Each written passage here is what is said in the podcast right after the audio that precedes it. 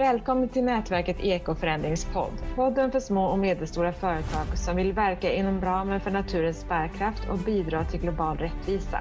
Här diskuterar vi både de stora frågorna och de konkreta verktygen. Vi delar våra egna erfarenheter och pratar med andra som redan genomfört förändring. Vi hoppas att du vill följa med oss när vi utforskar vägarna mot ett mer hållbart företagande och näringsliv. Nu kör vi!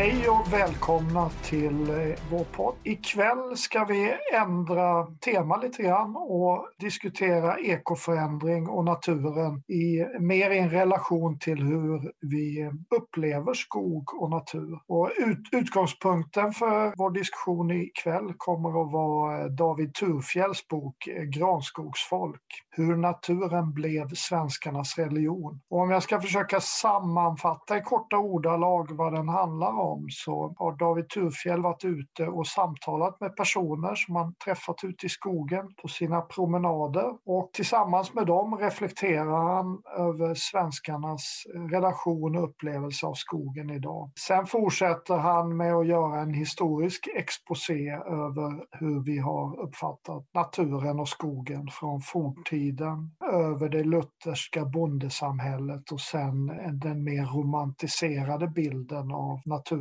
för att landa i dagens sekulariserade sätt att se på tillvaron. Och vi som ska prata idag, det är jag, Erik Ling och eh, Karin Westerberg och Kjell Mårtensson. Men innan vi börjar så är jag väldigt spänd att höra Karin och Kjell, er relation till skogen, hur ser den ut?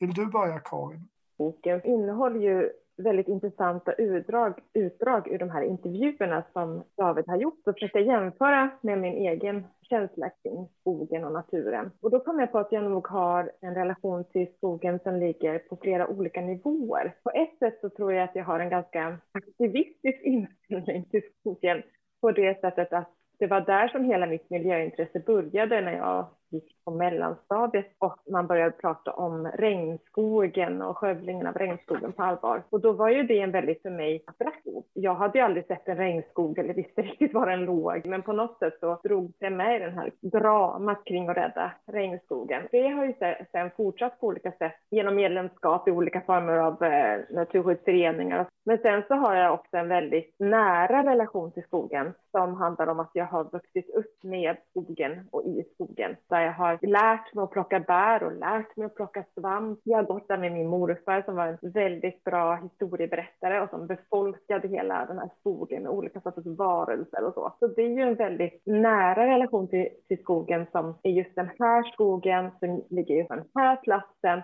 och som inte går att ersätta med någon annan skog någon annanstans. Om den skulle försvinna så skulle liksom den relationen vara borta för alltid. Spännande. Det går inte att ta miste på engagemanget i relationen till skog och det är väl något som David Turfjell tar upp också. Och du då Kjell, hur ser din relation och upplevelse av och till skogen ut?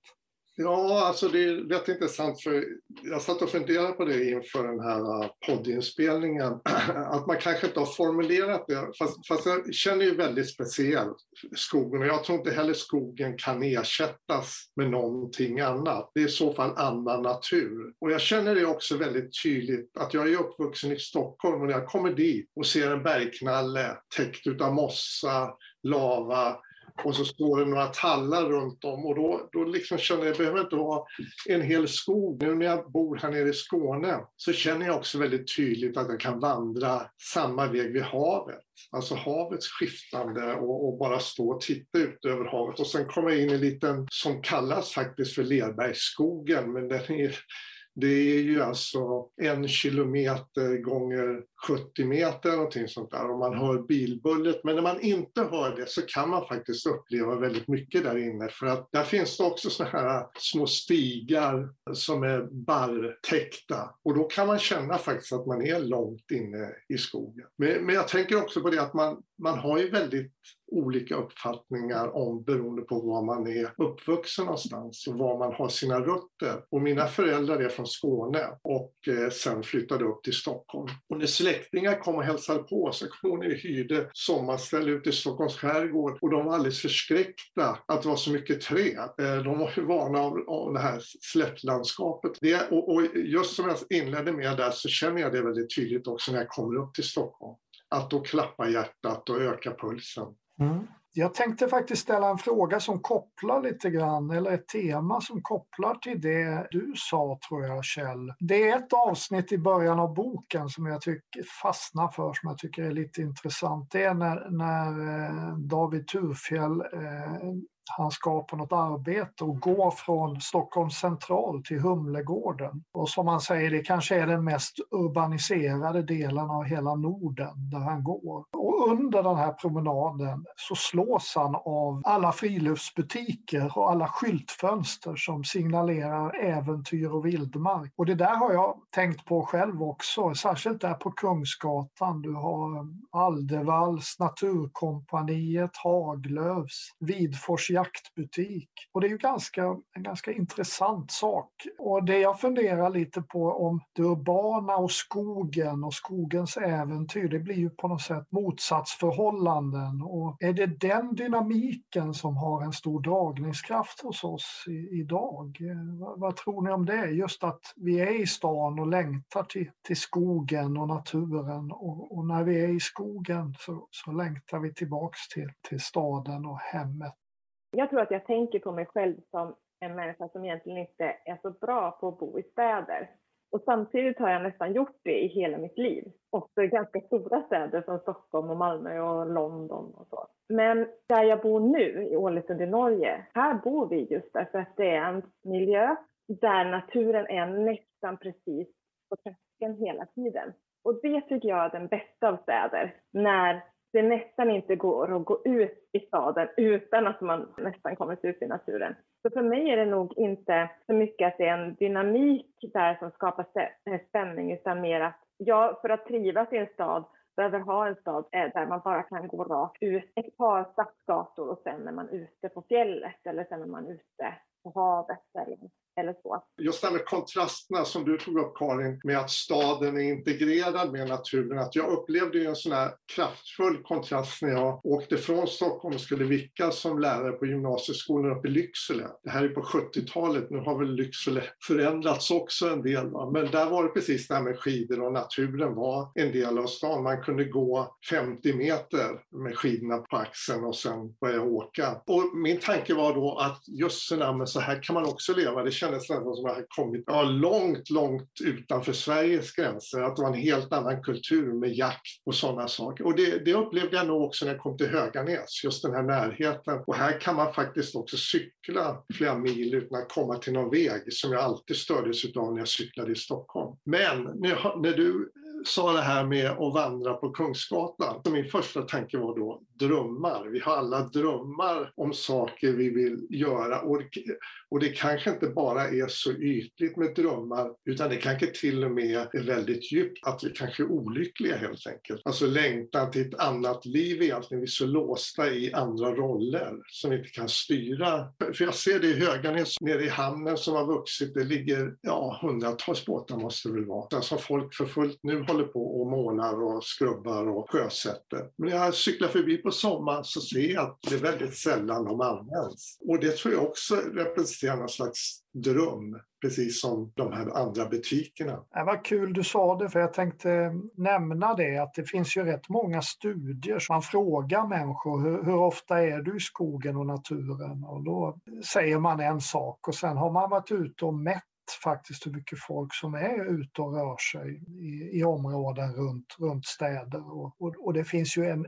väldigt stor överskattning i om, om man ber någon säga hur ofta är du i skog och natur?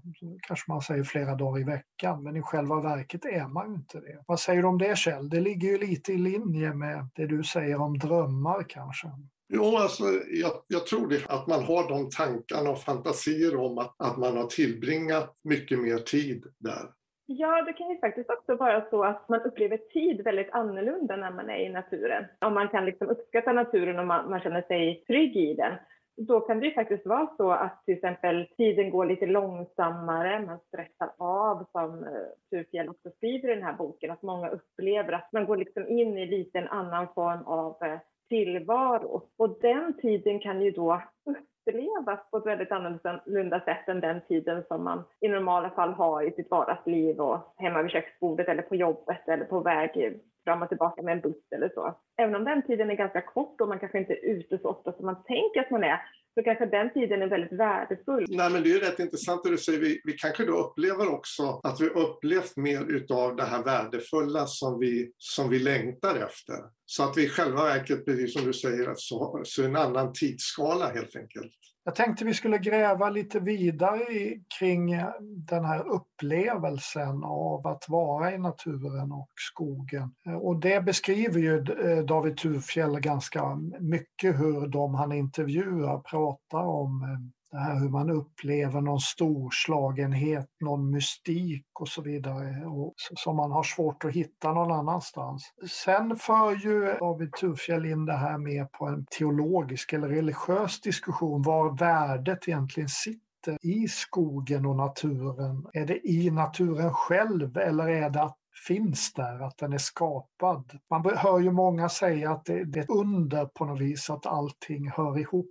Vissa i, i boken beskriver ju det fantastiska finns i själva trädet eller så. Eller är det det här samspelet, hur det på något vis har blivit till. Det där tyckte jag var lite intressant för det är egentligen två olika perspektiv. Det behöver inte spela någon roll men, men det kanske påverkar lite grann upplevelsen. Vad tror ni om det?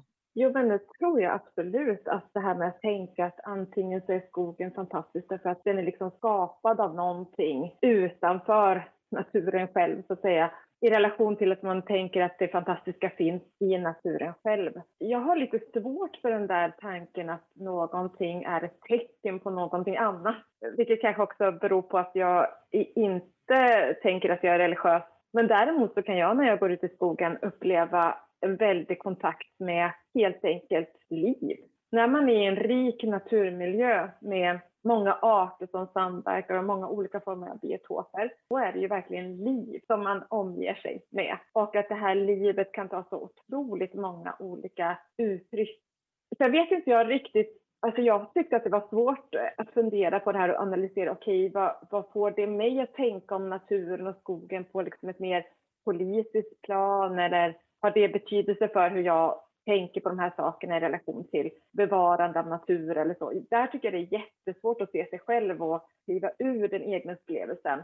Men jag tänker att den borde ha betydelse jag tror kanske att förhållningssättet är väl att man så att säga, växlar mellan olika perspektiv. Men, men jag tänkte på det när jag läste att det är en viss skillnad om jag går i naturen och, och liksom tänker på det som en evolution och att här har vi Darwin i arbete eller hans teori och, eller om jag ser det som en helhet som du säger, som här och nu. Och jag, det, det ena perspektivet utesluter inte det andra, men, men det blir lite olika upplevelser kan, kan jag tänka mig. Det är mer dissekerande och det andra är mer den här helheten som, som man nästan kan få lite svindel. Hur i hela friden hänger det här ihop och hur har det kunnat bli så här? Där som du prata om Karin och Erik, du också där. Det här när man känner den här när man är i naturen, den här innerligheten. Och då kan man ju känna också hur det har allt det här kommit till och eh, man känner någon anknytning till någonting större utan att det behöver vara någonting som man kan ta på eller beskriva. Den här innerligheten och den här upplevelsen av naturen, den passar inte riktigt in i det här med industrialiseringen. Då kanske det passar bra att vi kan separera oss från naturen. Alltså det blir någon slags eh, dubbelhet som inte riktigt går ihop. Jag tänkte koppla till det lite grann och det tar ju, tycker jag, David Thurfjell upp i sin historiska exposé, hur vi har förändrats och det kopplar väl delvis tillbaks till den här Kungsgatan, idén och drömmar och sådär. Men för kanske 100-150 år sedan när vi var mer ute i landsbygden och var mycket närmare naturen eftersom vi var tvungna att bruka den för överlevnad. Eller en väldigt, väldigt stor del av de som levde i vårt land eller i Norden överhuvudtaget var ju lantbrukare på ett eller annat sätt. Och då beskriver ju David Thurfjell hur idealet var ju det brukade landskapet, det vita landskap som producerade nyttor och som kändes tämt i någon slags mening eller att man hade kontroll över den här vilda skogen eller vilda naturen. Det, det var ju inget ideal på något vis egentligen på den tiden. Skog långt ifrån bebyggelsen var ju värdelös ur ett monetärt perspektiv eller ett brukarperspektiv ända fram till man kunde använda det till sågtimmer i större omfattning. Då fick det ju ett värde. Annars var det ju utmarken som egentligen var lite skrämmande och ful som han beskriver. I det perspektivet kan man ju kanske se vårt så att säga vurmande eller drömmar om naturen som ett romantiserande lyxprojekt för en urban medelklass just nu. Om det finns ett vurmande och ett romantiserande så skulle jag snarare tycka att det var intressant att se hur det där romantiserandet ser ut beroende på var man bor och vilken historia man har. Jag tror att det finns ett romantiserande av naturen och hos människor som bor på landet och kanske har gjort det i generationer, men att det romantiserandet ser annorlunda ut än det romantiserande som sker om man har växt upp i en stad och mer drömmer om möjligheten att vara i naturen. Därför att jag tror fortfarande att man kan romantisera över någonting som fanns förr. Att man kan romantisera hur det var på farfars tid eller när man själv var liten eller möjligheter att leva på landsbygden där, som har förändrats på grund av att naturen har förändrats. Så det är kanske inte så att romantiseringen hör till en urban medelklass utan att vad man romantiserar om kanske ser olika ut.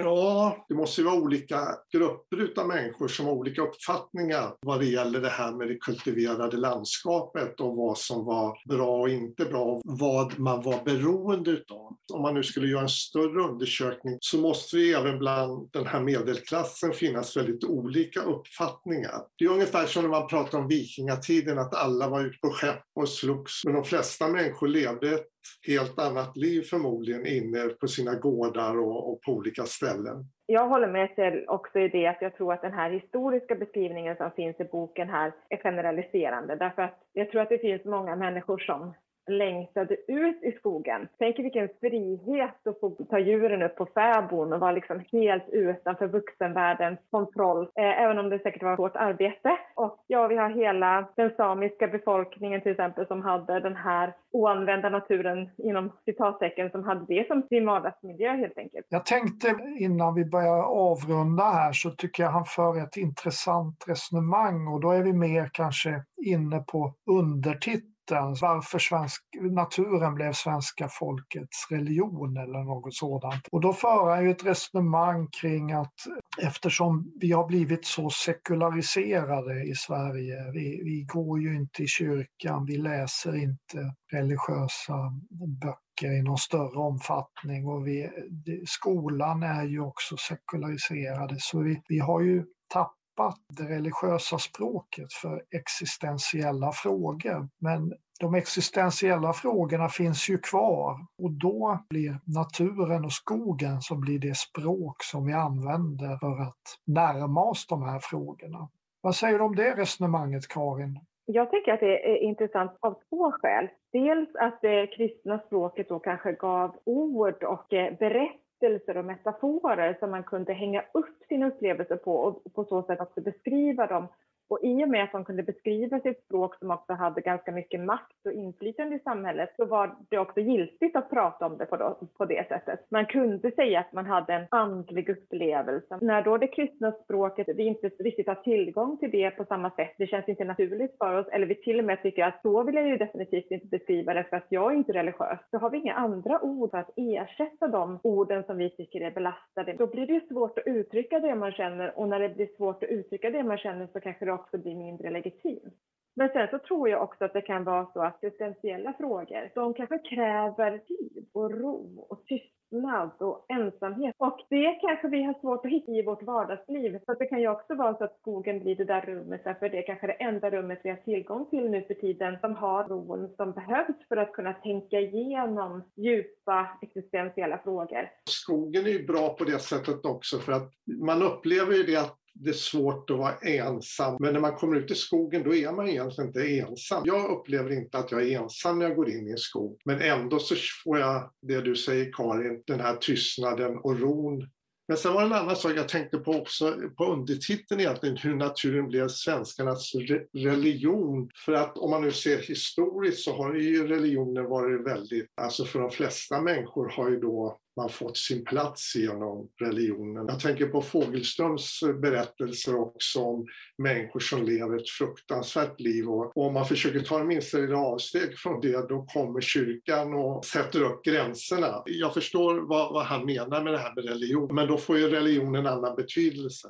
Jag tänkte innan vi slutar så, så skulle vi, jag ställa en fråga till er. För det här tyckte jag var så spännande med språk som vi inte är bekväma med eller som, som inte går att använda och att vi tappar någonting då. Vad säger ni, finns det några andra språk som vi har tappat eller håller på att tappa? Eller är det något språk vi skulle behöva skapa för att komma vidare? Och då tänker jag naturligtvis lite grann utifrån vår mission här på ekoförändring. Är det, är det några språk som är försvunna eller saknade som, gör, som är hinder eller möjligheter för ekoförändring? Ja, jag tänkte på det här nu precis då, eh, som undertiteln skulle kunna vara istället för, alltså efter religionen så har det ekonomiska språket blivit den stora religionen. Och, och det ekonomiska språket har ju också på något sätt så effektivt bidragit också till den här separationen mellan, ja, mycket som är separerat men, men framförallt också till naturen. För det upptäcker man när man sysslar med de här frågorna som vi gör inom ekoförändring, hur man ska jobba miljöstrategiskt inom företag företag i olika organisationer, att då klarar man sig inte med det ekonomiska språket utan då måste man hitta andra uttryck och andra sammanhang för att kunna beskriva den möjliga vägen vi kan ta framåt. Jo, jag håller absolut med. Jag tänker att det är kanske är lättare att se vilka språk som har blivit dominerande än att se vilka som har försvunnit. Och det har ju sina naturliga orsaker, att vi ser det vi har men inte det som vi inte har kanske.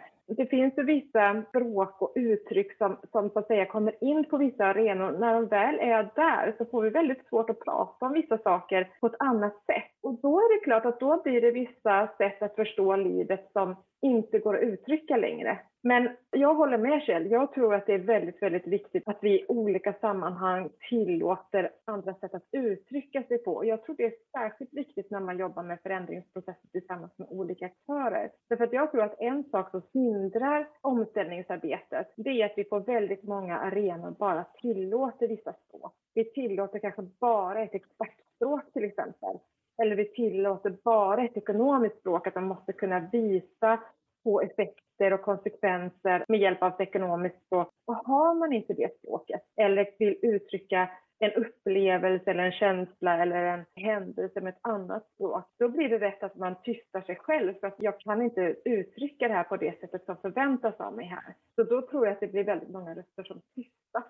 Så att, att tänka att om man bjuder in människor så måste man både kunna prata om naturen utifrån den här känslan av att vara ute i den här skogen och så ska man också kunna prata om den som en del av en verksamhet. Alla de språken måste man tillåta samtidigt i diskussionen, tänker jag. Spännande och det där tror jag vi låter bli slutord för den här gången. Och jättetankvärt från båda er två. Och om jag ska sammanfatta så tycker jag att behållningen framför allt av boken det är diskussionen om de här språken för att beskriva existentiella frågor och drar man det lite vidare så hamnar man i en väldigt spännande diskussion som vi har touchat på här och som vi kanske har anledning att återkomma till. Då ber jag att få tacka för att ni har varit med oss idag och hoppas att ni har möjlighet och vill komma tillbaks och lyssna på oss en annan gång. Tack så mycket! Tack för att du var med oss idag. Vi hoppas att vårt samtal har gett dig något nytt att tänka på eller något nytt att pröva. Du hittar en sammanfattning av avsnittet och en lista över referenser på vår hemsida www.ekoförandring.se. Där hittar du också poddens tidigare avsnitt och mer från oss i nätverket Ekoförändring. Vi publicerar ett nytt avsnitt av podden sista fredagen varje månad. Varmt välkommen då! Och till dess, låt oss gå ut och förändra.